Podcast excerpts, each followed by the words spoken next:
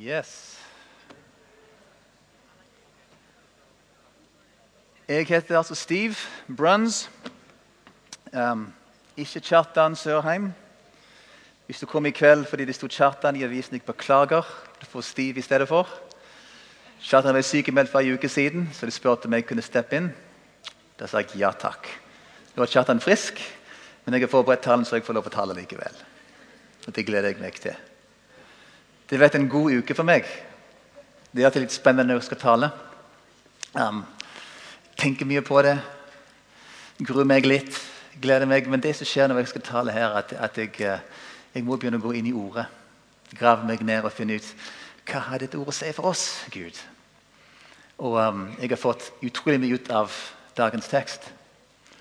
Som um, Johanne nevnte, vi, har vi begynt en vandring gjennom Galaterbrevet. Et av brevene fra uh, Det nye testamentet.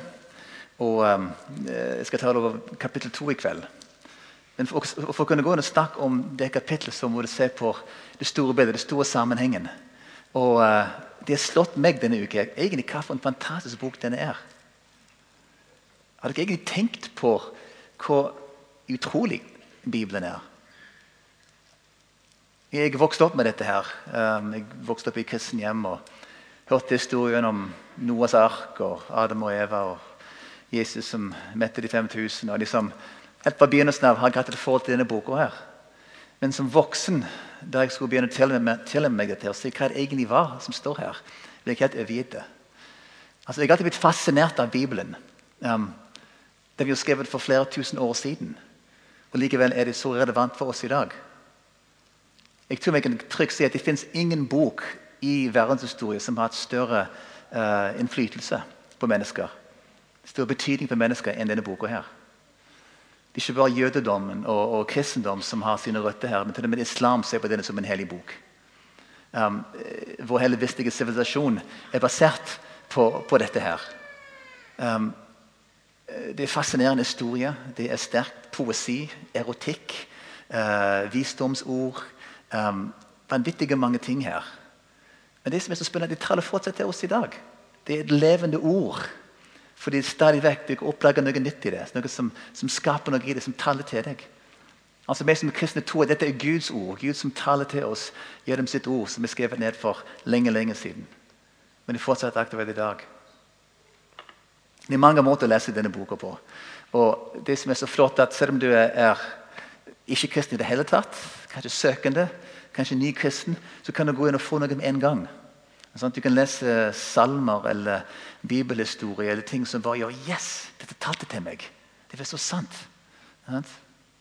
Inspirasjon, altså veiledning, altså retning. Men selv om du graver deg ned i mange år som teolog, så kommer det aldri til bunns i det heller. Det er så rikt og så spennende. Og det Å kunne lese det på mange måter synes jeg er veldig greit. Jeg, altså Hver dag når jeg våkner, jeg kan vandre. Det første jeg gjør, er å skru på min mobiltelefon, som er ved siden av meg, så skrur jeg på min bibelapp. U-version. Hvis dere ikke har det, så gå i gratis bibelapp som vi kan få. Du får dagens ord. Så det første jeg gjør, er å lese et ord. Sånn. Ok, start på dagen. Av og til er det mye, av og til er det lite eller ingenting. Men det er der. Um, ofte når, når, jeg leser Bibelen, så vil jeg um, be Gud taler til meg og viser meg noe som er viktig, så vil jeg stille og si hva skal jeg lese nå? Noe spesielt Gud de minner meg på. Ofte vil jeg få noe som, som taler til meg um, når jeg bare slår opp et eller annet sted og begynner å lese. Jeg går det også på litt som jeg er såpass lite systematisk som menneske at mange noen systemer. Men jeg får det på å lese gjennom hele Bibelen fra, fra, um, ja, fra begynnelsen til, til målen. holder på å si. Um, jeg tar god tid på dette her. Når jeg får litt ekstra tid, så setter jeg meg ned med en kopp kaffe og i sofaen og, og leser et kapittel eller kanskje en time eller to. Og så bare liksom går sakte, men sikkert gjennom hele boka. Um, det går an å lese det på mange måter, og det er ingenting som er riktig. ingenting som er bedre. Men, men det som er så fascinerende, som jeg ser nå i kveld når jeg går inn i, i Galatene 2, at når, ser, når, jeg leser det på forskjellige måter, jeg forskjellige ting. Går inn i ett vers, analyserer det, og Gud taler til det gjennom det, men også ser på det store bildet, og så får det helt andre ting. Det har jeg fått denne uken med Galaterne 2. Um, før, vi leser, før vi leser kapitlet, vil jeg bare litt mer bakgrunnsstoff på dette her. Um, Galaterbrevet er eh, et kampskrift på en måte. Det er skrevet av apostelen Paulus, som var sint, opphisset, eh, skikkelig tent. Og han, du ser måten han skriver på her. Han har noe han brenner for, han vil få fram. Et poeng som må, må bare komme fram. Um, det som har skjedd, er at han har uh, opplevd angrep, og han må bevare sannheten. Han må um, forsvare sannheten.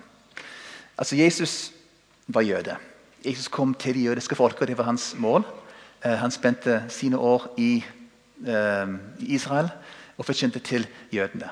Da han reiste opp til jorden, sa han til sine disipler gå ut og dele dette her med alle folkeslag. Sånn, vi vet i Apostlenes gjerninger um, en så sier han start i Jerusalem, og så går det til Samaria, altså Judea, Samaria og til verdens ende. Så Paulus var en av de som hadde fått et kall til å forkynne evangeliet til de som ikke var jøder. Ikke sant? De kaller det for hedninger. Så han begynte å reise og, og uh, møtte folk som ikke hadde et forhold til uh, Gud i det hele tatt. Og så at de tok imot budskapet om Jesus. De ble frelst, de ble fylt med Den hellige ånd. De ble Guds barn. Han var bl.a. i en reise i plass som heter Galater. De Galatia. De er ikke sikre på akkurat hvor de var, men han hadde plantet mange menigheter. Og Så reiste han videre. Og Så hører han i etterkant at det kom noen jøder jøder som trodde på Jesus, som har kommet etterpå og sagt uh, nei, det som Paulus sa, stemte ikke helt. Um, dere må ikke bare tro på Jesus, dere må bli jøder først. Dere må være sånn som oss. Dere må uh, omskjæres og følge våre skikk. Og da er det våre lov og bud. Da kan du bli kristne. Og så sa de også, han Paulus han er egentlig ikke apostel. Apostel var de tolv første. Og så var det en som drepte seg og kom en til. Men Paulus jeg vet ikke hvem han er. Så ikke hør på han. Så Paulus så at de hadde det bygd, som det på å vokse fram, holdt på å bli angrepet. Holdt på å smuldre opp, og Han, han blir rasende. Så han skriver dette brevet til galaterne. I det første kapittelet ser vi at han, um, at han forsvarer sitt apostelembete. Sånn at han var kalt av, av Gud direkte. Det var ingen mennesker som hadde kalt han. Han hadde fått sin apostelembete fra selveste Gud. Han hadde ikke blitt opplært av mennesker, han hadde blitt opplært av Gud. Og så I, i andre kapittel går han mest inn på dette her med noe evangeliet som han underviste. De. Altså, Det fins bare én evangelie. Ett evangelie heter det vel på norsk. Ett et evangelie. Thank you very much. Um, og jeg hadde kommet og prøvd å forkynne et annet evangelie For Paulus var det om å gjøre å si at det budskapet jeg gav deg, det handler om nåde, det handler om frihet. Gud har kalt dere til å være hans barn, og dere er fri for alle disse lovene og budene som de, de, de kom med. Mens de andre som kom etterpå, sa ja, men du må gjøre sånn og sånn og sånn, og sånn, sånn for å bli rettferdige. Og få det rett med Gud, og da kan du få frelse med Jesus. Dette var en skikkelig viktig sak. Og Derfor blir Paulus så i harnisk når han opplever det som er skjedd, og går inn i dette brevet her for å kunne forsvare det som er sagt, og stå imot vranglæra som jødene kom med. Paulus forkynner evangeliet om nåde for alle som vil ta imot Jesus Kristus. I motsetning til det budskapet som var i Det gamle testamentet, der man måtte følge bud og regler for å bli rettferdiggjort. På den ene siden har vi en religion i fokus her, der man um, blir bundet av eh, regler og bud. På den andre side har vi et budskap om frihet, om nåde for alle mennesker. På den ene sida har vi våre gjerninger som skal gjøre oss rettferdige. Det vi gjør. Men på den andre side har vi nåde, gratis gave for å kunne ta imot av Gud. Guds initiativ, Guds handling. På den ene side har vi en gjeld vi skal betale. På den andre side er det frihet. Gratis. Nåde. På den ene siden er det en identitet som en trell, som en slave, som må gjøre så masse ting for å komme opp, for å nå opp. På den andre siden identitet om et Guds barn, om en sønn eller en datter. På den ene siden har vi religion. På den andre siden har vi en relasjon. Ser vi forskjell?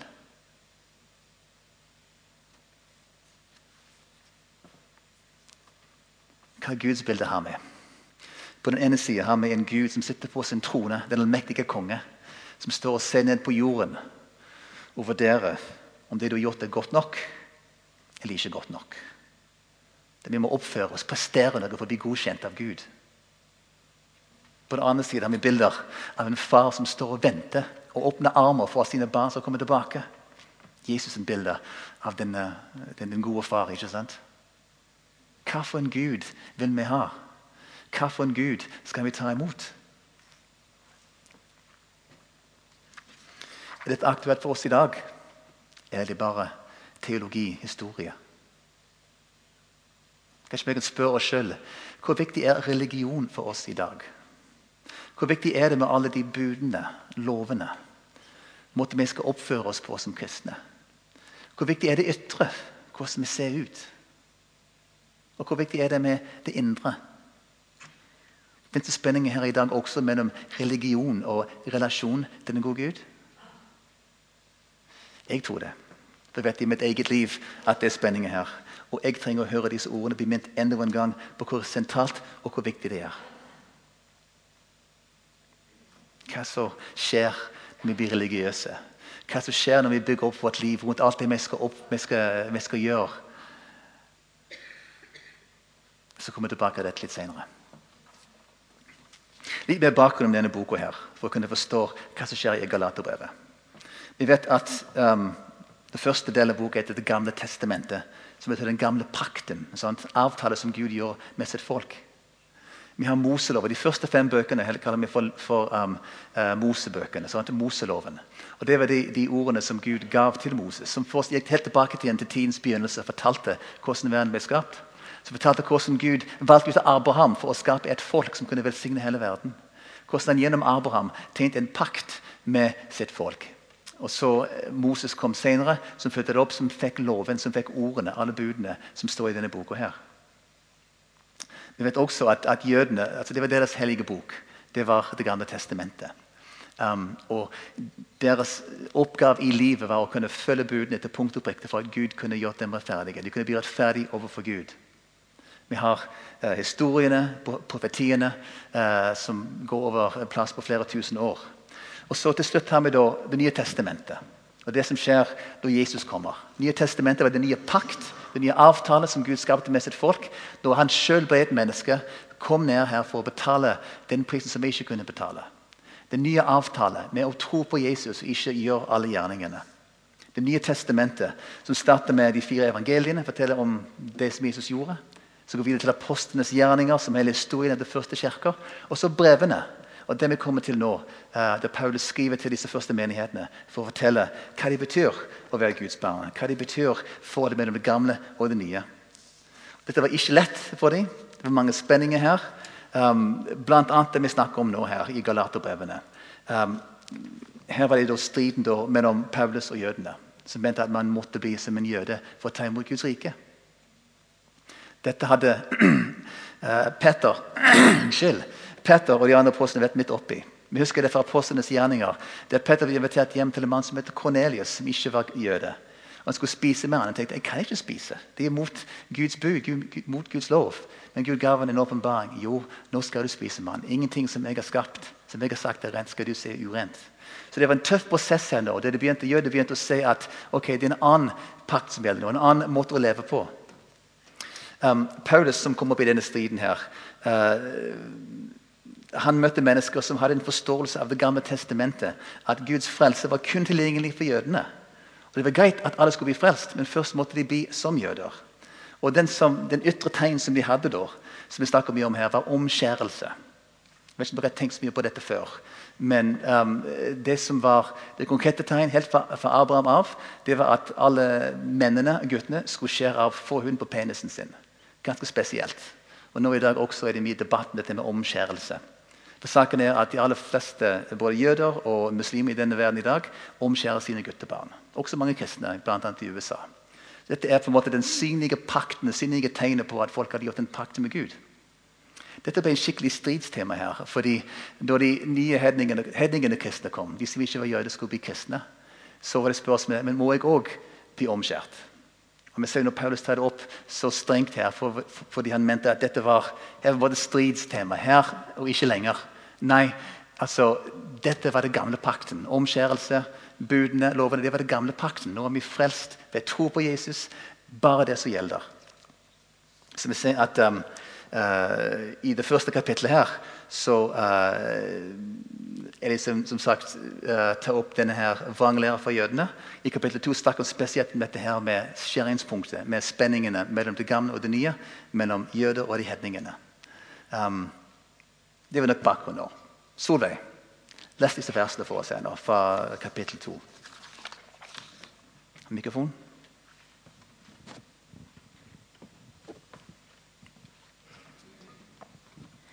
«14 år senere reiste jeg igjen opp til Jerusalem sammen med Barnabas, og jeg tok også en Titus med meg. Jeg reiste dit av en åpenbaring. I et eget møte med de mest ansatte la jeg fram evangeliet jeg forkynner blant folkeslagene. For jeg ville ikke løpe, eller ha løpt forgjeves.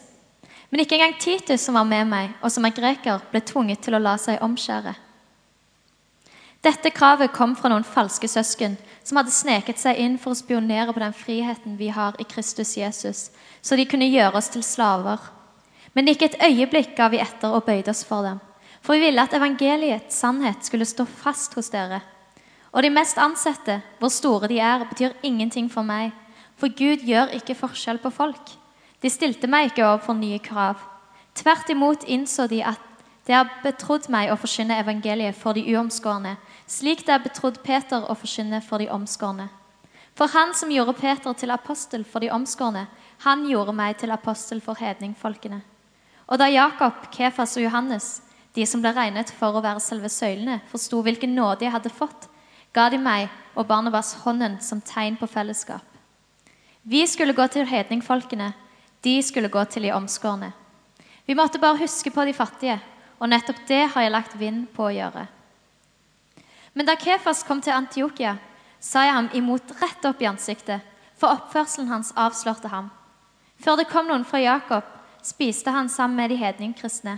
Men da de kom, trakk han seg tilbake og holdt seg unna, for han var redd de omskårne. På samme måte hyklet de andre jødekristne, så til og med Barnabas ble revet med i hykleriet deres. Men da jeg så at de ikke gikk rett fram etter evangeliets sannhet, sa jeg til Kefas, så alle hørte det. Når du som er jøde, ikke lever som en jøde, men som en hedning, hvordan kan du da tvinge hedningene til å leve som jøder? Vi er jøder av fødsel og ikke syndere av hedensk et. Men vi vet at ikke noe menneske blir rettferdig for Gud ved gjerninger som loven krever, bare ved troen på Jesus Kristus. Derfor satte også vi vår lit til Kristus Jesus, så vi skulle bli kjent rettferdige ved troen på Kristus og ikke ved lovgjerninger. For ikke noe menneske blir rettferdig ved lovgjerninger. Men hvis også jøder blir stående som syndere når vi blir rettferdige i Kristus, er ikke Kristus da blitt en tjener for synden? Slett ikke. For hvis jeg bygger opp igjen det jeg har revet ned, da framstår jeg som lovbryter. Ved loven døde jeg bort, fra loven så kan jeg leve for Gud. Jeg er korsfest med Kristus.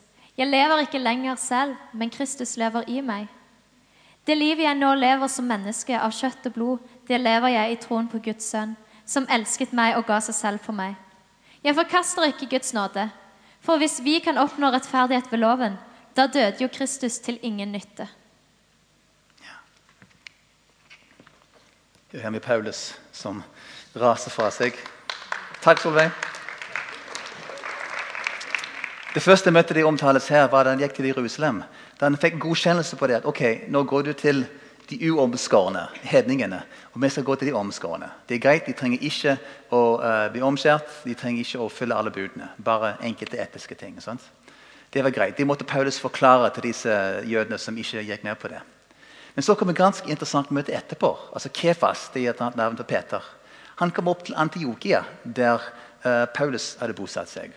Der skulle han være med og spise sammen med hedningkristne. De som hadde blitt troende som ikke var jøder. Og Nå hadde Paulus, Peter et problem her. ikke sant? For det var eh, jødisk lov at jøder ikke skulle spise sammen med hedninger. De skulle bevare sin enhet, og bofellesskapene de viktigste fellesskapene. De skulle holde seg vekk fra hedningene. sant? Men her var de kristne.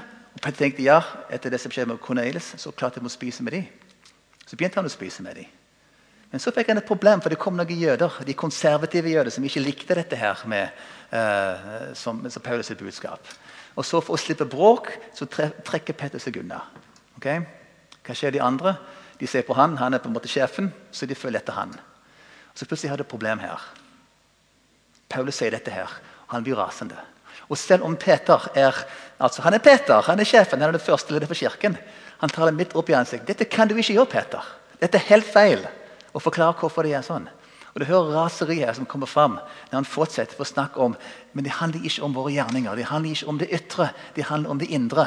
Det er ikke religion lenger, det er relasjon det går på. Dette må vi få tak i. Tro og gjerninger. Hva er denne saken her? Altså, det kan summeres opp i det som vi leser i vers 16. Der Paulus skriver, Men vi vet at ikke noe menneske blir rettferdig for Gud ved gjerninger som loven krever, bare ved troen på Jesus Kristus. Denne var den kampen han kjempet her. Og vet du hva? Hvis ikke Paulus hadde tatt opp kampen her, så kan det hende at vi ikke hadde vært her i dag. Det kan hende at kristendom hadde vært en liten sekt av jødeisme. Istedenfor hadde det blitt et budskap som gjelder alle mennesker, alle kulturer og til alle tider. Denne boken er oversatt til omtrent alle språk som fins. Og det er folk i omtrent alle kulturer i dag som tror på Jesus begynner å følge etter han. Det var ikke bare en jødesekt. De sprengte de gamle rammene. Og Derfor måtte, måtte Paulus ta opp kampen her og kjøre det helt fram. Som sagt, vi har de samme spenninger i dag. Vi kan tenke altså, Hvorfor i all verden? Det virker så meningsløst at de skulle bestemme, at, altså, forvente at de som begynte å tro på Jesus, måtte skjære av forhuden deres. Altså, hva var poenget med dette her? Um, hvis vi prøver heller å sette oss inn i Petters sine sko, så kan vi se at det var faktisk veldig gode grunner for dette. her. Altså, Jødene var stolt av å være jøder, og det skulle bare mangle. Bibelen forteller oss at Gud valgte ut et folk. Han skapte et folk så være hans folk. Han skulle være deres Gud, de skulle være hans folk. Og Gjennom disse folk her skulle hele verden velsignes. Det var bare jødene som fikk Guds ord. Det var jøder som fikk loven. De hadde et spesielt forhold. De var satt altså, på et annet nivå enn hele resten av verden. Og Dette med omskjærelse var et synlig uh, uh, bevis på den pakken de hadde fått. De var stolte av dette. her. Dette var noe bra. Og hva med loven? Vi kan lett si at loven, budene, reglene er noe negativt. Men fordi det var noe svært så positivt. Gud gav oss loven for han ville det beste for oss. Ikke for å trykke oss ned. Det var ikke meningen at loven skulle bli en tvangstrøye for oss. Det skulle meningen at loven skulle gjøre oss uh, fri til å leve det gode livet Gud har for oss. Helt fra begynnelsen av, når Gud ga loven, så var det veldig tydelig at dette her var helt sentralt. Altså, Husker forresten hva var det første bud som, som jødene fikk? Handler det om omskjærelse eller andre ting? Nei, det handler om du skal elske Herren din Gud. Det var det viktigste og det første budet de hadde. Hør nå. 5. Um, Mosebok 6, 1-5. Det er en slags oppsummering her av uh, det viktigste. Moses han skulle gi sin siste tale til israelsfolket før han døde. Og Han sa på en måte oppsummering av det han hadde gjort til nå. Han sier her i kapittel 5 Nei, 5. Mosebok kapittel 6. Dette er de budene forskriftene og lovene som Herren deres Gud har pålagt meg å lære dere, for at dere skal leve etter dem i det landet dere går inn i og skal legge under dere. Du skal frykte Herren din Gud så lenge du lever, og holde alle hans bud og forskrifter som jeg gir deg, både du og din sønn og din sønnesønn. Og du skal få et langt liv. Hør da, Israel, legg vind på å leve etter dem. Da skal det gå deg vel. Dere skal bli tallrike, slik som Herren dine fedres Gud har lovet deg, i et land som flyter av melk og honning. Hør, Israel. Herren er vår Gud. Herren er én. Du skal elske Herren din Gud av hele ditt hjerte og av hele din sjel og av all din makt. Det som Jesus sa, var det største og det første budet. Å elske Herren. Dette var noe godt. Dette var det beste som fantes for disse folka her. Og det er klart at Når jødene ønsket at hedningene skulle bli jøder, det var fordi de ville inkludere dem i et eh, eksklusivt, flott, velsignet selskap. Fantastisk. sant? Da kan det omskjære bli sånn som oss. Vi kan følge budene sammen, og alle skal ha det greit. Kom bli med på festen. ikke sant? Så Det var ikke ondsinnet, dette her. Og Jeg forstår Peter, som ikke ville skape problemer. Han ville på en måte samle folk og gjøre at de ble sånn fornøyd og bygge en stor kirke og følge Jesus. sant? Men Paulus gjennom dette her. Paulus skjønte det. det nei, dette går ikke. For her skjer det noe som er altfor viktig, og det går forbi. Sant? Fordi Han skjønte igjen at det var nåde som var i sentrum for dette. her. Det var kjærlighet, det var relasjon til Gud som var evangeliet. Det var tro på Jesus, som var Guds sønn, som var Gud, som måtte føre dem til denne rettferdigheten. Budene, loven, alt det var viktig. Det skulle de ha. Men det var ikke det som skulle frelse dem. Det var ikke det som skulle gjøre dem rettferdige. Hva betyr egentlig det å være rettferdig, som vi snakker om her, overfor Gud? Altså ord, Jeg har lest en del nå. skjønner du. Ordet rettferdig kommer fra roten av å stå rett og stå oppreist. I motsetning til det være bøyd, krumbøyd. Se det for deg å være rettferdig og gjort rett. Å være rett i forhold til Gud og ha det rett med Gud. Ikke være bøyd, bli oppreist. Sånn er det når vi tar imot nåden hans. Jødene de jobbet alt de kan. Det var deres mål å oppføre seg så riktig som mulig, så de kunne bli sett på som rettferdige overfor Gud. Gjøre det som var rett, ikke gjøre det som var galt. Det var det det handler om. Men sist så kommer det et annet budskap. Rettferdighet kommer fra å ta imot Guds gave. Helt gratis. Nåde.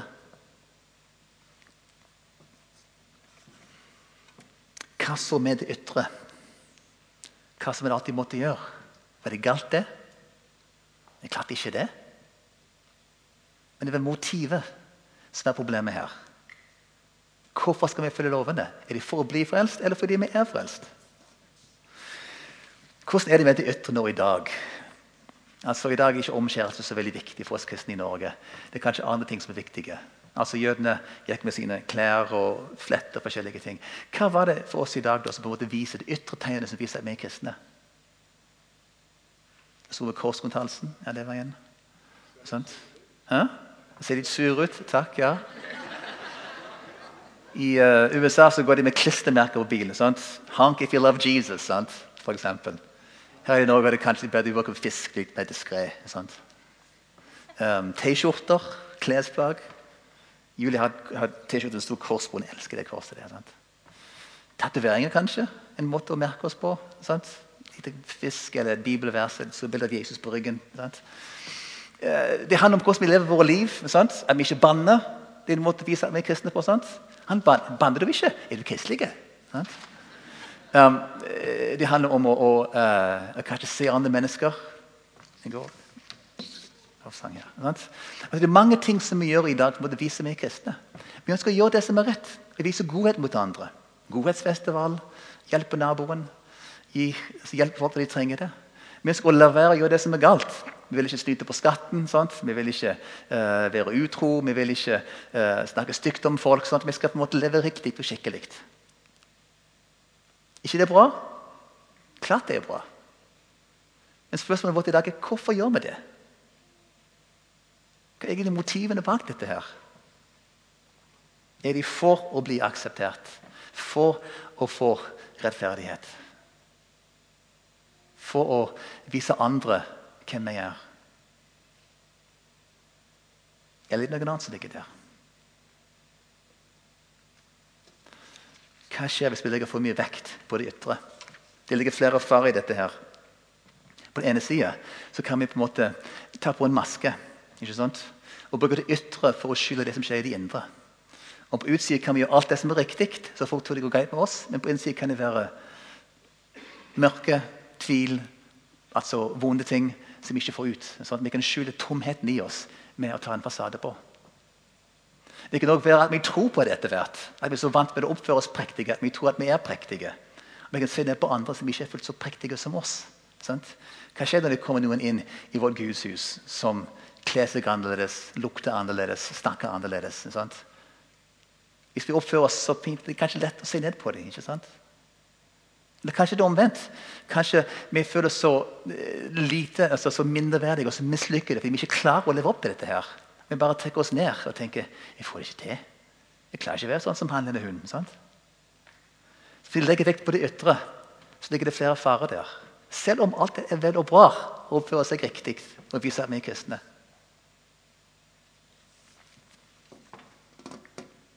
Hvor var jeg? Jeg kan legge viktig poeng her. Um, Ok, Men hva er det som egentlig teller? Jeg sa Det er ikke religion, religion måtte vi oppføre oss for, men det er relasjon til indre. Paulus skriver i vers 16. Men vi vet at ikke noe menneske blir rettferdig for Gud ved gjerninger som loven krever, bare ved troen på Jesus Kristus. Derfor satte også vi vår lit til Kristus Jesus, så vi skulle bli kjent rettferdige ved troen på Kristus og ikke ved lovgjerninger. For ikke noe menneske blir rettferdig for lovgjerninger. Altså er troen på Jesus Kristus som er det sentrale her. Gud som ble menneske. Som kom ned for å ta vekk det som skilte oss fra Han. For å betale prisen, for å gi sitt liv, for å kunne ofre seg for at vi kunne komme til Gud. For å åpne døren på vid gap mellom oss og mellom Gud. Å tro på. Hva betyr å tro på? Paulus sier bl.a. at vi satte vår lit til Kristus. Det å tro på betyr noe langt mer enn å bare holde det for sant. Det vet dere. Det går ikke å si ok, jeg tror at Jesus er Guds sønn, men jeg vil ikke forholde meg til det. Sant? Men da er det greit? Nei. Å tro betyr å satse på. Å tro betyr å leve i samsvar med det som han har vist oss. Altså Å tro betyr å følge etter. Å tro på Jesus. Det er det som er poenget her. Vi ser at Paulus her snakker mer om, om dette. Han er veldig opptatt av uh, det gamle og det nye. Han skriver her i vers 19 og 20. Ved loven døde jeg bort fra loven, så jeg kan leve for Gud.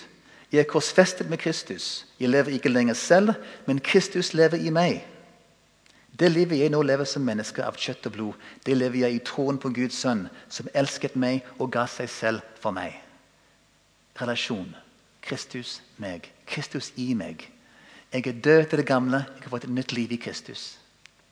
Vi kjenner sikkert til versene fra 2. Korintene 5, der han skriver Nei, den som er i Kristus, er en ny skapning. Det gamle er borte. Se, det nye er blitt til. Når Paulus har smakt på det nye livet, så tåler han ikke det gamle lenger. Det er det som skjer her. Han har fått et nytt liv. Han har fått tak i uh, en helt ny mindset, ny tilværelse, ny altså virkelighetsforståelse. Det gamle er borte. Jeg lever nå i Kristus, som lever i meg.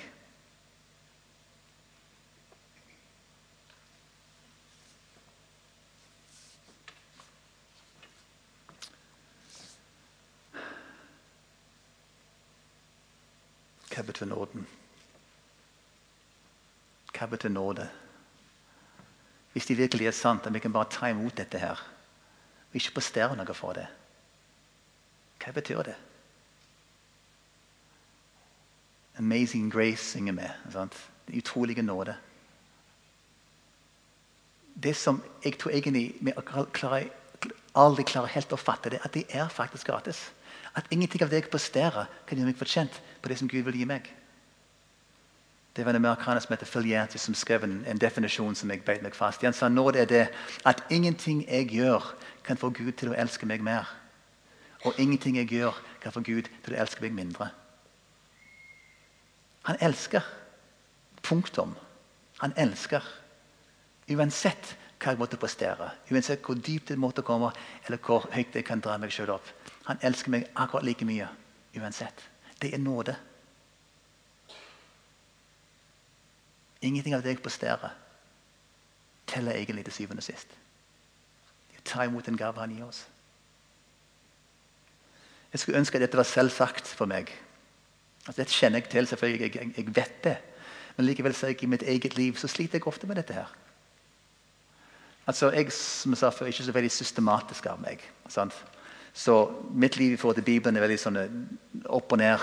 Jeg aldri klart å få til det sånn voldsomt jevn sånt, lesing og, og, gå inn, og, jeg, som jeg ønsker. i alle fall. Så Jeg skulle gjerne ha vært mye flinkere til å lese Guds ord.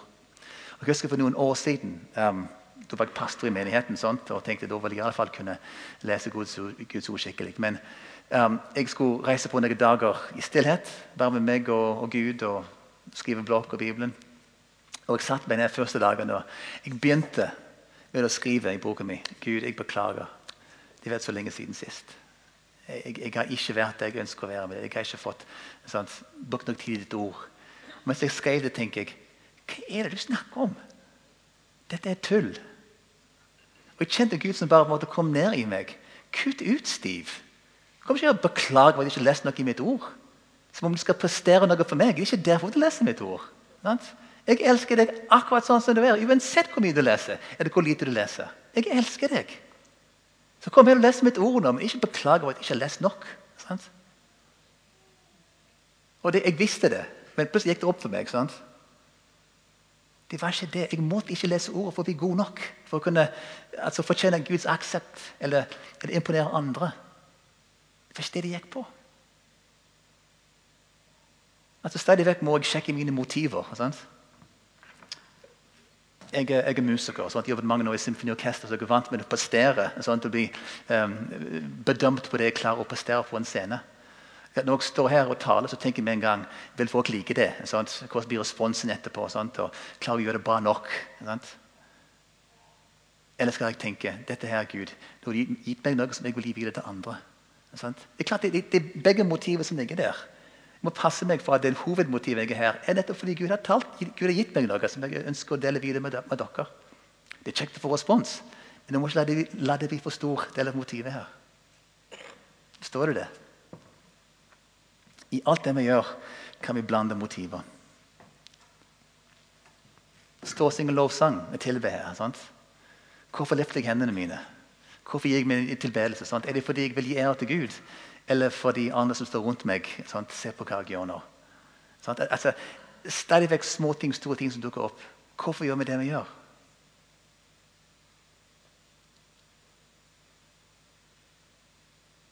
Heldigvis er Gud nådige. Han tar imot oss gang på gang.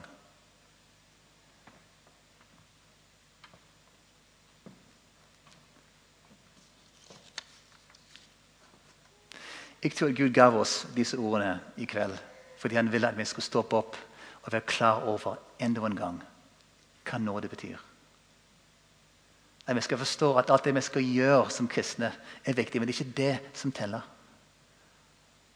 Jeg tror vi må passe oss for at det ytre ikke skal måtte være en fasade for å skjule det som er på innsida.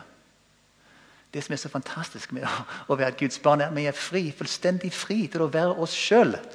Vi trenger ikke opptre og ta på masker, men vi kan være den vi er. Den som Gud har skapt oss til å være. Uansett hvor unge, gamle, prektige det, det, gjør ingenting. Vi kan være oss sjøl fordi Gud er glad i oss sånn som vi er. Og når vi kommer sammen i fellesskap som dette her, det er akkurat det som er så spennende. For vi er så forskjellige, og vi har så mye forskjellige ting å bidra med. Vi skal ikke oppføre oss på en bestemt måte. Vi skal få lov til å være det vi er. I Guds nåde, det som er for våre liv.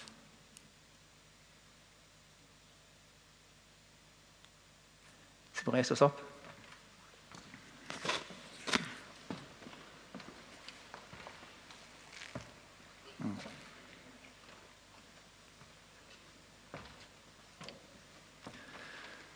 Far, jeg takker deg for ditt ord, som både viser sannheten, og som lar oss få et møte med deg.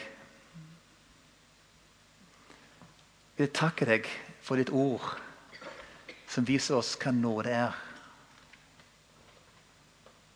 At du har tatt initiativet. At du har skapt oss. At du har elsket oss. At du har kommet in person som Jesus Kristus for å frelse oss, for å forsone oss tilbake til deg sjøl. For å gi oss et evig liv, for å gi oss en mening med dette livet. Og for det ser hvor vanskelig det er å kunne bare akseptere det og forstå det og leve i det. At det er gratis, at det er nåde. Vi skal ikke prestere noe på å få det. Gud må du vise oss nå, akkurat det vi står her da. La oss fatte litt mer av hvem du er, litt mer av hva du har gitt oss litt mer av den nåde som du gir oss akkurat her nå.